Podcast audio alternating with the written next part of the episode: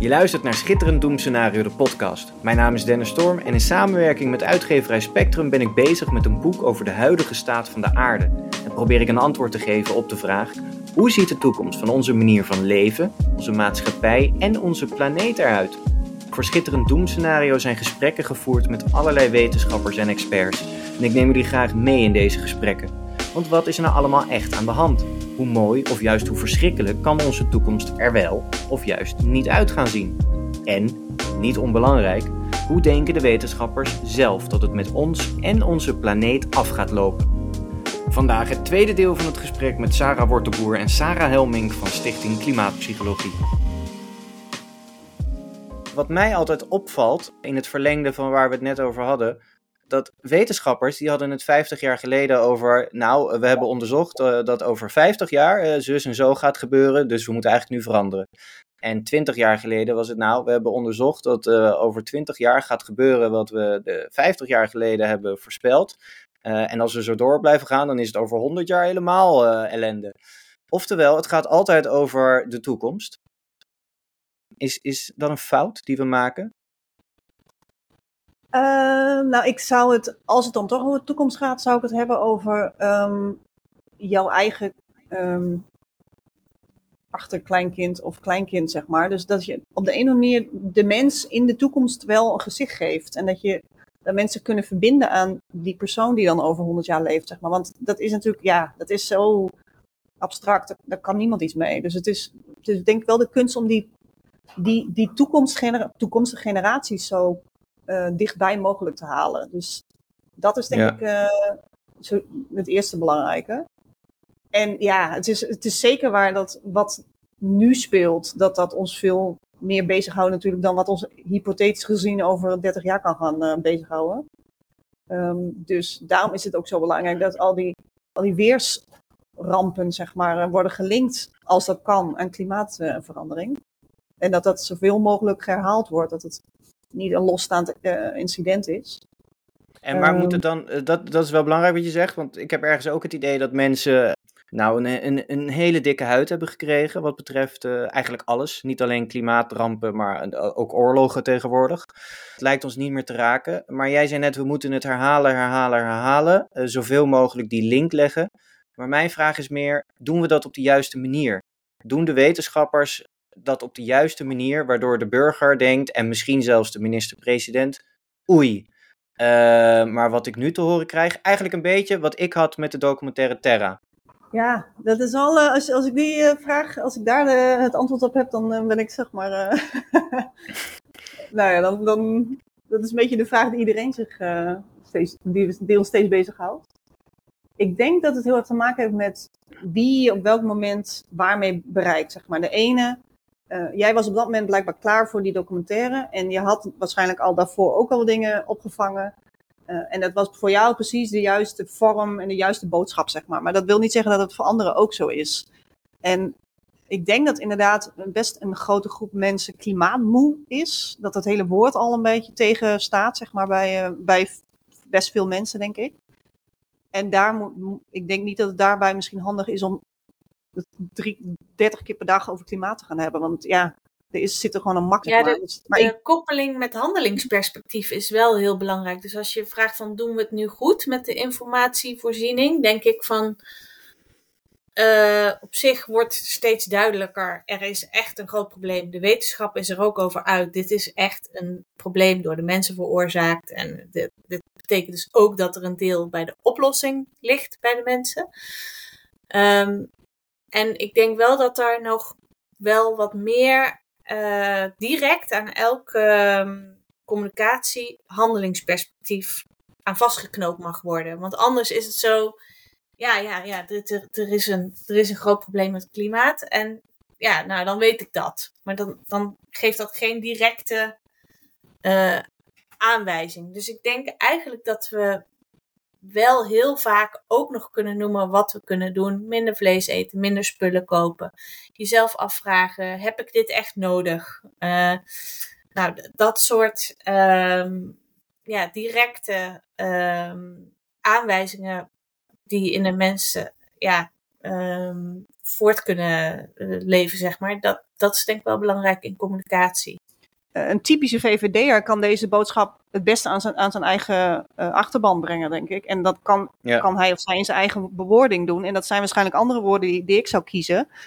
Um, dus het is denk ik heel, heel belangrijk dat het op verschillende manieren, in verschillende groepen, door verschillende personen wordt gebracht. Uh, en, en ja, het IPCC bijvoorbeeld, of een weervrouw, of een weerman, of een. Ja, dat, is, dat helpt wel een beetje, maar dat is natuurlijk maar zo'n klein stukje. Uiteindelijk gaat het veel meer over uh, het informele en het, de mensen waar je toe, tegen opkijkt, omdat ze nou eenmaal bijvoorbeeld in dezelfde politieke partij uh, zitten of zo. Bijvoorbeeld bij islamitische um, uh, groepen is, kun je veel beter bijvoorbeeld spelen met woorden als verspilling, zeg maar. Dat is daar ook vanuit de, de islam een heel belangrijk, uh, nou ja, een belangrijke invalshoek. Begrip. begrip, ja. Dus dat zijn, je gebruikt dan net andere woorden en je geeft het een andere, uh, nou ja, jasje, zeg maar. Dus ik denk dat, dat daar nog wel meer over nagedacht kan worden. En en ik, bijvoorbeeld denk ik dat de overheid heel vaak beter niet zelf kan communiceren, maar het gewoon via anderen kan. Uh, dat zij kunnen promoten dat anderen het gaan doen, zeg maar. Ik denk dat dat veel, veel beter werkt.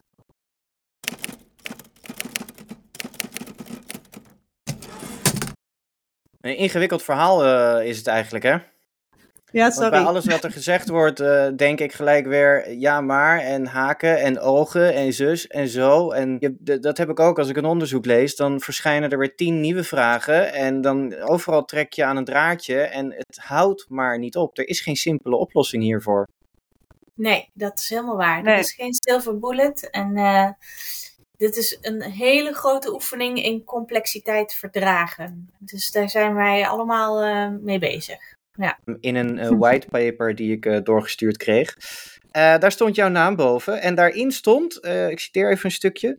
René Letsman, een van de meest bekende klimaatpsychologen wereldwijd, is het niet eens met het idee dat alle communicatie over duurzaamheid gericht moet zijn op het creëren van positieve associaties. Zij betoogt dat eerlijk zijn belangrijker is in communicatie over klimaat en duurzaamheid. En dat positieve communicatie slechts een onderdeel is van de boodschap.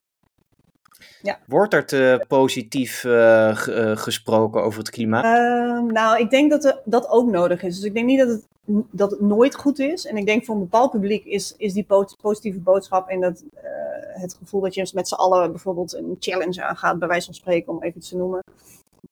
Dat kan heel goed werken. Dus ik denk dat we het zeker nodig hebben. Maar er zijn ook mensen die hebben juist meer nodig van dat ja, iets meer dat holy shit moment wat Sarah net noemde. Ik denk ik denk bijvoorbeeld dat zo iemand als Mark Rutte wel iets meer uh, door mag hebben hoe ernstig de zaak is. Dus ik denk dat voor wereldleiders hoeft het voor mij niet zo positief allemaal. Maar haar, haar boodschap inderdaad van René Lertsman is, wees niet alleen maar die hele tijd die positiviteitsgoeroe. Um, dat is niet, het is nee, niet nodig en het, het werkt ook. Ja, het is gewoon een beetje fake of zo. Ja, ik merk dat hier in mijn buurt ook. Dan zeggen mensen, ja, ik heb uh, zonnepanelen genomen. Ja, dat is rendabel en bla bla. En uh, ja, dat levert zoveel op en rendement. En...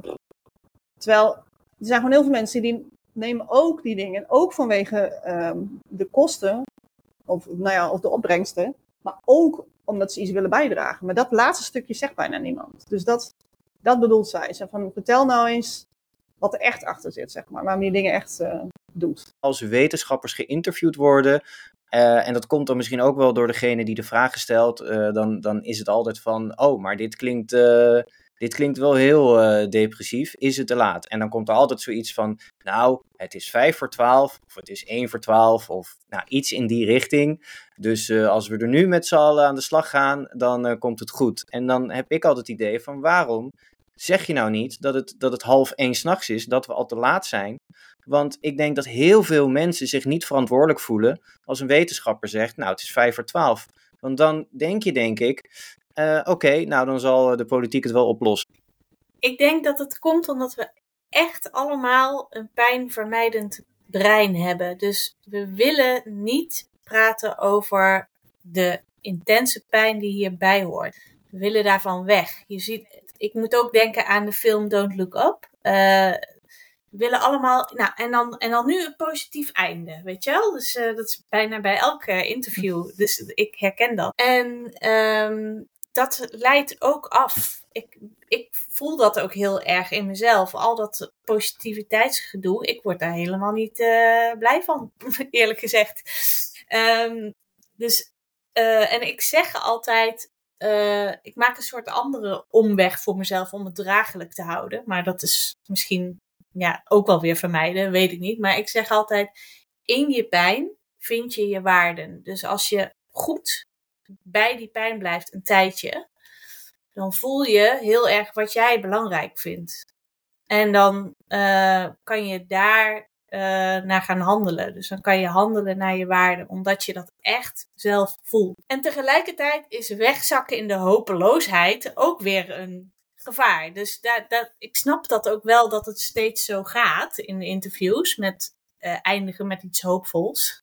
de kans is vrij groot dat wij het straks ook nog gaan doen. Maar uh, dat, dat um, ja, het is en en. Het is en we hebben hoop nodig. En we moeten echt voelen dat er echt dat het echt te laat is. Dus dat we echt nu moeten handelen en niet uh, over een tijdje.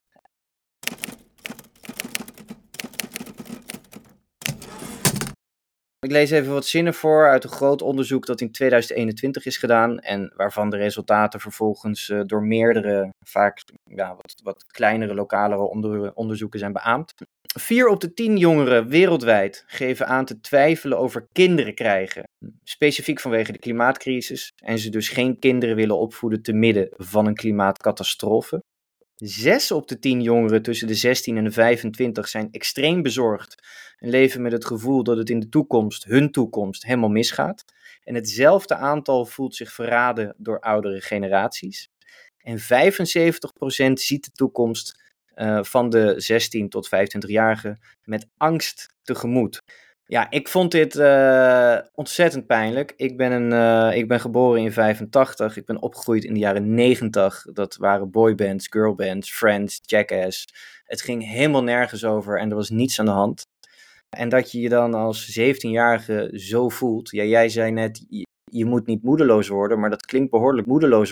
Ja, dit is een goed onderzoek trouwens, wat je aanhaalt van Caroline Hickman. Uh, onder 10.000 uh, jongeren uh, wereldwijd. En wij gebruiken dit onderzoek ook vaak. Um, en uh, ja, hier, dit is best heel ernstig als je dit tot je door laat dringen. Dat jongeren dus nu een andere realiteit hebben dan toen, toen wij opgroeiden.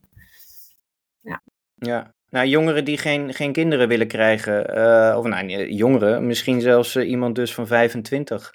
Wat geef je zo iemand uh, mee om, om hoop te hebben? Om, nou, het klinkt heel depressief, maar daar komt misschien wel om neer, om weer wat zin in de toekomst te hebben. Wat ik vaak zeg is, gevoelens komen en gaan. Ze blijven nooit hetzelfde de hele dag. Dat kan niet. Het is onmogelijk om je de hele dag hetzelfde te voelen. En dat is iets waar ik uh, troost uit haal. En wat ook, uh, denk belangrijk is voor veel mensen om te weten. Dus er is een, een proces van uh, dit doorleven. En het, het wordt dus ook uh, weer anders. Als jij toevallig helemaal in die put zit, ja. op het moment van dit luisteren misschien wel, weet dan dat er ooit een bodem komt. Die komt er, die bodem komt er. En uh, het, het beste is om het er toch met mensen over te hebben. Dat, dat, je, daar, dat je daar uithangt. Uh, en dat er uh, uiteindelijk um, ja, in je pijn vind je je waarden. Dus je vindt ook daar wat je wel wil. Is dat de bodem van de klimaatcrisis of is dat de bodem in je persoonlijke pijn? Ik heb het over het, het, laatste, maar ik weet niet eens of dat zoveel verschilt. Dus wat mij altijd een beetje, en ik denk jou ook, anders zou je er geen boek over schrijven. Uh, wat mij een beetje op de been houdt, is het idee, um, ja, stel het wordt echt verschrik, het verschrikkelijkst van het verschrikkelijkst erger kan het niet, zeg maar. Echt het worst, worst, worst case scenario. Dan nog wil je in beweging komen. En als je maar kan zorgen dat je, ook al kan je maar één ding of mens of iets redden, of nou ja, heb je in ieder geval geprobeerd, dan is het al de moeite waard volgens mij. Dus het, het, ik, ja, stel ik zou midden in een watersnoodramp zitten of zo, dan zou ik ook in beweging komen. En dat is voor mij betreft een beetje hetzelfde idee. Ja, ja je zei net, eh, jij schrijft er tenslotte ook over. Het boek heet niet voor niets Schitterend Doemscenario. En als ik heel eerlijk ben, dan heb ik mijn hoop dat wij als mensheid ineens de schouders onder een gezonde groene toekomst gaan zetten, wel een beetje verloren. En toch komt het goed. Vandaar een schitterend doemscenario. Omdat er gewoon een punt gaat komen dat het voor de grootste ontkenner niet meer te ontkennen is dat we als maatschappij ten goede moeten veranderen. En ik heb daar wel zin in eigenlijk, in dat dieptepunt, omdat het hele debat dan achter ons ligt. En in plaats van maar blijven discussiëren, we eindelijk echt aan de slag kunnen. Het is ook mooi om daar eigenlijk wel onderdeel van te zijn, hè, van deze tijd. Met veel kantelingen, veel veranderingen. Tenminste, dat nou, vind ik. Ja. ja. Sterker nog, daar hou ik dus heel veel. Uh, nou, niet per se troosten uit, maar ik heb twee kinderen. En als je aan mij zou vragen, oké, wat heb je liever? Dat we nog, nog 50 jaar doorkabbelen, terwijl wetenschappers ieder jaar weer zeggen, het wordt erger, het wordt erger, we moeten veranderen. En dan ben ik dadelijk, eh, nou, ik hoop dat ik 80 eh, mag worden en dat ik dan doodga. Met het idee dat het ergste voor mijn kinderen nog moet komen. Ja, dan heb ik veel liever dat dat tijdens mijn leven gebeurt. En dat ik er hopelijk uh, voor kan zorgen dat zij daar ja, uit dat dieptepunt komen. Dan wil je erbij zijn. Uh, ik wil er liever bij zijn, ja. Ja, exact. Als er, als er dan toch al die ellende gaat gebeuren en ik heb kinderen, dan ben ik er liever bij dan dat het na mijn tijd gebeurt. Is dat, eh, ben ik dan uh, geclassificeerd als uh, mentaal niet, niet, niet helder? Of, of begrijpen jullie wat ik bedoel? Nou, ik moet zeggen, ik heb dit gesprek nog nooit eerder gehad, maar ik ben het er eigenlijk wel mee eens. Ik heb dat ook wel, denk ik ja, aan de ene kant wil je, hoop je dat het allemaal nog zo lang mogelijk wordt uitgesteld, omdat het dan misschien wat beter uh, te overzien is of zo. Aan de andere kant uh, doe ik het inderdaad lief samen met mijn kinderen dan maar. Ja. Nou, dan zijn we nu met z'n tweeën. nee, ik ben de enige. Ik weet niet, heb jij hier wel eens, heb jij hier wel eens gesprek over gehad, Sarah? Ik heb dit nog nooit... Uh... Nee. Nee, maar ik kan het me wel voorstellen, want het, mensen vinden het verschrikkelijk om controle geen controle te hebben. En dit is in elk geval een manier van in controle zijn. Dus je bent erbij en dat is. Uh, dan doe ik het samen met mijn kinderen, deze ellende, zeg maar. Dat, dat, uh, dat geeft meer houvast dan uh, steeds maar niet weten. Want het allervervelendste voor mensen is controleverlies. Niet weten uh, al die complexiteit waar we nu ook mee te maken hebben, is echt wel heel erg lastig voor mensen. Ja, ja en ik bedoel dan niet specifiek uh, op, op mijzelf en mijn kinderen gericht, maar natuurlijk uh, met de hele. Ja, je, je kunt niet alleen uit dat dal komen, dat moet je dan met de hele maatschappij gaan doen. Maar bijvoorbeeld, ik woon in Indonesië en we hebben nu in de afgelopen drie maanden, wij hebben hier heel veel landfills, want er is geen afvalverwerkingssysteem. Dus heel veel mensen steken de hele dag door overal hun afval in brand, waardoor je constant die soort smeulende plastic lucht hebt. Uh, maar je hebt ook ontzettend grote landfills. En de afgelopen drie maanden zijn er 31 daarvan in, uh, in brand uh, gevlogen. waardoor wij ook een aantal weken uit de windrichting moesten zijn, omdat ons huis precies in de windrichting van een van die vuren lag. En dan heb je dus constant een soort gele, oranje smok in de omgeving waar je woont. Uh, en gisteren is de grootste landfill van Indonesië in brand gevlogen. Uh, ja, met, en dat is 120 hectare aan uh, oud plastic. en asbestplaten en weet ik veel wat voor ellende. Um, onder ergens, even kijken, noordoostelijk van Jakarta. En er gebeurt niets hier. Er gebeurt helemaal niets. Dus ja, het staat in brand, maar goed, het is droog en ja, we weten niet wat we anders met het uh, afval moeten doen. En dat zorgt voor een verschrikkelijk uh, vervelende, uitzichtloze situatie. En ik wil niet dat die dingen in de fik vliegen, maar het is wel zo waar we het in het begin over hadden. Pas als het echt, echt ellende is, gaan mensen veranderen. En dat is gewoon een punt waar ik ontzettend veel zin in heb. Wat doet dit met jou als jij de dag door, je zit in die smok en die rook? Merk je dat aan jouw eigen uh, emotieregulatie. Ja? ja, ik krijg er ongelooflijk veel stress van. Zodra je het ruikt, merk je aan alles dat het ontzettend ongezond voor je is. En het ligt altijd op de loer. Dus dat is op een normale dag check je hier wel even van, uh, joh, hoe is de luchtkwaliteit? Moeten we een masker op? Kunnen de ramen open? Nou, dat vind ik al een soort scenario wat, ja, waar ik wel eens over van hoor, van zo ziet de toekomst eruit. Maar dat is in, de, in Indonesië is dat op heel veel plekken al dagelijks kost. Maar als er weer zo'n landfill in brand staat en de wind staat jouw richting op en je hebt die, die oranje smok, het ergste eh, vind ik als het even weg is en je denkt dat het weg is en je loopt naar buiten en je ruikt het ineens weer en je voelt het in je lichaam trekken. En dan krijg ik wel echt uh, ja, bijna een soort paniekreactie wel. Je kan niet vluchten. Je weet niet waar je heen moet. En wij, uh, zijn, ja, wij hebben natuurlijk het privilege dat mocht het echt heel erg worden, dan kunnen we altijd besluiten van oké, we moeten nu terug naar Europa. Maar ja, er zijn er 300 miljoen mensen, die kunnen dat niet. En ja, dat, dat is geen uh, fijne leefomgeving. Klinkt ontzettend ongezond ook, om dat gewoon in te ademen en inderdaad op je huid te krijgen. Ja, ja nee, uiteraard is het ontzettend ongezond. Maar ik verbaas me ook uh, altijd over uh, als er iets is wat een aantal doden veroorzaakte, dan, dan staat het in alle kranten en worden er wetten geschreven. Maar luchtvervuiling zorgt uh, voor meer dan 7 miljoen doden per jaar. En niemand ja. heeft het erover. Um, dus ja, maar dat is misschien weer een andere vraag. Het is een sluipmoordenaar, zou je kunnen zeggen eigenlijk, hè? Ja, ja, zeker. Nou ja, de wetenschap is er. We weten dus dat het om 7 miljoen doden per jaar gaat. Nog los van alle niet-fatale ziektes die het veroorzaakt. Maar inderdaad, de mensheid uh, lijkt er wel een blinde vlek voor te hebben.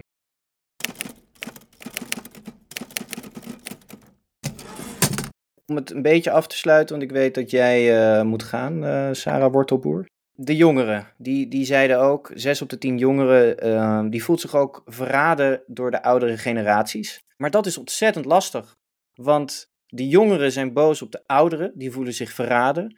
Ja, ondertussen zijn het toch de meeste beleidsbepalers horen bij de oudere generatie, die doen te weinig. Uh, ja, hoe gaan we dit uh, oplossen? Ja. ja, ik denk dat het dat we, ondanks dat het heel veel te langzaam gaat, dat we vooral moeten doorgaan waar we nu mee bezig zijn. En dat is dan van onderop. En ook veel druk op, uh, op uh, politici uitoefenen, wat al wel steeds meer wordt gedaan, maar dat kan nog veel meer. En dat, volgens mij is het echt een hele, hele lange adem ook van, uh, van onderop. En dat geeft ook wel een soort van, je hebt in ieder geval het gevoel dat je ergens mee, mee, aan, aan meehelpt, zeg maar. Sarah Helmink en Sarah Wortelboer. Dank jullie wel. Dit was het tweede en laatste deel van het interview met Sarah Helmink en Sarah Wortelboer van Stichting Klimaatpsychologie. Misschien heb jij wel behoefte aan meer gesprekken. In dat geval vraag ik je vriendelijk deze podcast te steunen via petjeaf.com slash Dit was Schitterend Doen Scenario de podcast. Bedankt voor het luisteren en tot de volgende.